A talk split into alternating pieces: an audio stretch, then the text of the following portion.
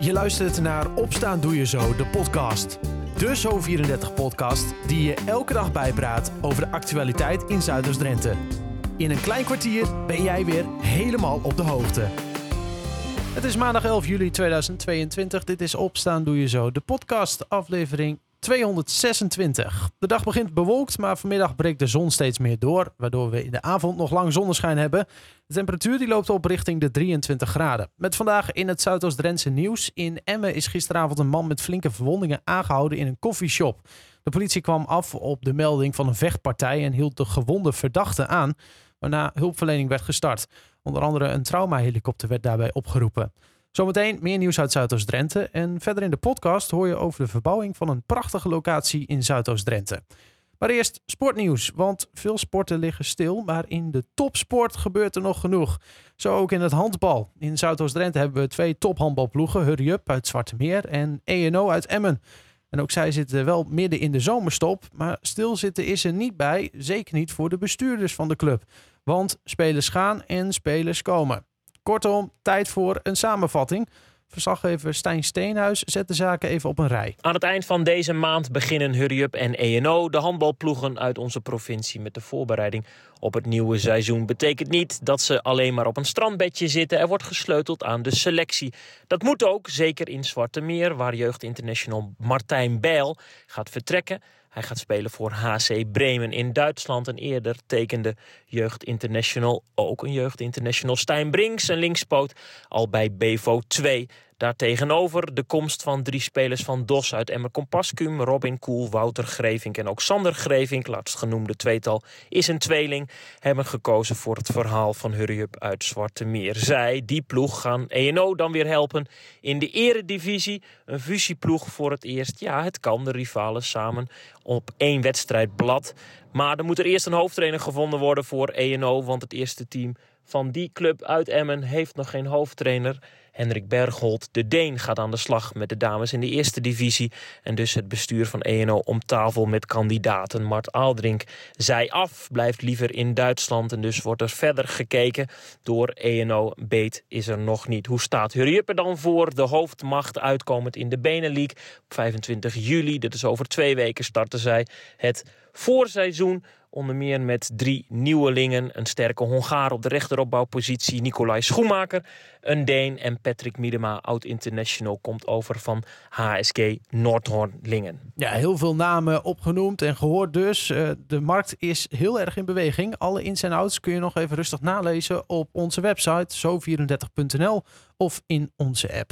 Zometeen in de podcast hoor je over de verbouwing van de Engelenweide. Dat na het laatste nieuws uit Zuidoost-Drenthe.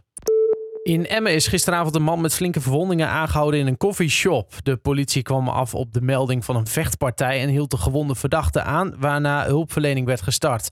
Onder andere een traumahelikopter werd daarbij opgeroepen. Nadat de verdachte naar het ziekenhuis was, ging de politie verder met onderzoek. Vandaag wordt meer duidelijkheid verwacht over wat zich in de zaak afspeelde. Meer aanhoudingen worden daarbij niet uitgesloten. Gisteravond heeft de politie een einde gemaakt aan een protestactie op de A37 bij knooppunt Holsloot. Daar werd kort de snelweg geblokkeerd, gevolgd door een langzaam aanactie. Bij Geesbrug werd het verkeer door de politie van de snelweg geleid. De politie deelde meerdere boetes uit, die lopen in de honderden euro's. Een dag eerder schreef de politie bij knooppunt Holsloot ook al boetes uit voor het blokkeren van de snelweg. Van een trekkerprotest, zoals vorige week, is geen sprake. Volgens een woordvoerder zijn vooral personenauto's betrokken. En bij een ongeluk in Barge zijn gisteren twee mensen gewond geraakt. Op de verlengde oosten die westzijde knalden twee auto's tegen elkaar. Een van de auto's belandde naast de weg in een tuin. Een man en een vrouw zijn door ambulances naar het ziekenhuis gebracht. En dan sport, BMX. Lieke van der A uit Klazineveen is Europees kampioen BMX bij de meisjes tot 13 jaar geworden. In het Belgische Dessel troefde ze in de finale Iris Smit uit Veenoord en de Britse Laurie Ann Caruthers af. Nederlands kampioene van der A toonde zich in al haar races de sterkste. In haar drie manches en in de kwart- en halve finale kwam ze als eerste over de finish. Dat lukte Iris Smit ook, maar moest, zij moest in de finale dus haar meerdere erkennen in haar gemeentegenoot. De meisjes gaan zich nu voorbereiden op het WK in Frankrijk. Die worden van 29 tot en met 31 juli gehouden in Nantes. En Egbert Zelstra uit Emmen heeft goud gepakt op de halve marathon voor atleten van boven de 70 jaar tijdens de World Masters Athletics. In Finland liep Zelstra naar een tijd van 1 uur 26 minuten en 22 seconden. De Emmenaar was daarmee bijna 3 minuten sneller dan de Australische nummer 2. De oudste deelnemer van het veld was de 93-jarige Italiaan Angelo Scudrone. Hij liep de 21,1 kilometer in iets minder dan 3,5 uur.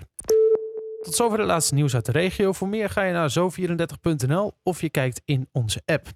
32 appartementen, een theetuin, een moestuin en dierenweide. In de notendop zijn dat de plannen die op stapel staan voor de Engelenwei.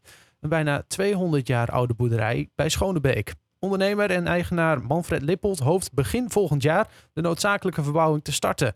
Verslaggever Dylan de Lange ging er in gesprek met oud-eigenaar Willem van Engelenhoven en Manfred Lippold. We staan op het erf van de Engelenwei hier in het Oosterse bos in Schonebeek.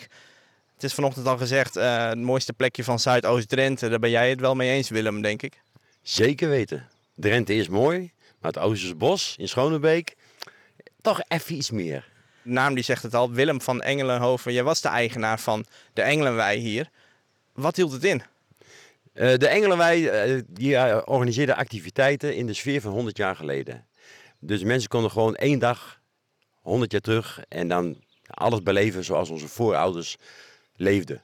Ja, als je om je heen kijkt hier, dan, dan, dan klopt dat wel. Hè? Oude rieten daken op een uh, oude boerderij, oude schuren. De gebinten die staan er nog allemaal en het, het, het ademt gewoon 1900. Dat klopt. Maar daarom zit er zoveel ervaring hier in de grond. En daar kunnen we uit putten, uit die ervaringen. En mensen bouwden vroeger heel doelgericht, ze leefden doelgericht. Ja, en dat vind je hier terug. Ja. Nou, en daarom dacht uh, de huidige eigenaar, Manfred Lippold, daar kan ik wat mee. Je hebt het gekocht. Wat gaat ermee gebeuren? Ja, daar kan ik zeker wat mee. We gaan het uh, transformeren naar een uh, groepsaccommodatie. Waarin je eigenlijk nog steeds dezelfde uh, sfeer kan proeven. Dus dat je nog steeds het gevoel hebt dat je echt even terug naar de basis gaat. Um, en die beleving hebt. Ja, ja. Als we nou eens even die schuur inlopen, dan lopen we die kant op. Het is echt een, enorm oude schuur. Willem, jij hebt hem nog gerenoveerd. Ja, toen ik hier kwam was het een veeschuur eigenlijk. Dus een paarden en, uh, en koeien en jong vee in. En ik heb me omgebouwd dus, uh, tot een, een keuken uit, in de sfeer van 1900. En een herberg, dus de, de plek waar mensen uit zaten. En de herberg, ja, daar was altijd warm. En er brandden de petroleumlampen. Daar was iedereen welkom. Ja. Wat gaat er nou mee gebeuren, Manfred? nou ja, waar we nu staan is straks de entree van de groepsaccommodatie. Uh, hier trekken we de boel helemaal uh, open tot aan het plafond. Uh, waarbij je wel de, de, oude elementen allemaal blijft zien. Je ziet de, de, de oude gebinten, de oude sporen. Dus ja, waarbij je gewoon voor, kan verblijven straks. Een soort hotelletje, maar dan 100 jaar terug. Ja, ja, en het is straks dan, je kan hier zeg maar, een, een kamer krijgen zeg maar, waar je dan gebruik maakt van de gezamenlijke keuken. Of je huurt het in zich heel af als groepsaccommodatie. Ja. Lastig wel, zo'n monumentaal oud pand, denk ik. Ja, het, het, geeft een heleboel leuke uitdagingen. Maar het geeft ook een unieke beleving van het pand straks. Dus ja, dat is ook uh, de moeite waard om, om je energie in te steken. Een prachtige locatie dus, die nog veel mooier moet gaan worden in een mooi stukje van Zuidoost-Drenthe. Enthousiast zijn ze in ieder geval. Als het af is, dan hoor je dat natuurlijk weer hier op Zo34. Tot zover. Opstaan doe je zo de podcast van maandag 11 juli 2022. Een fijne dag en tot morgen.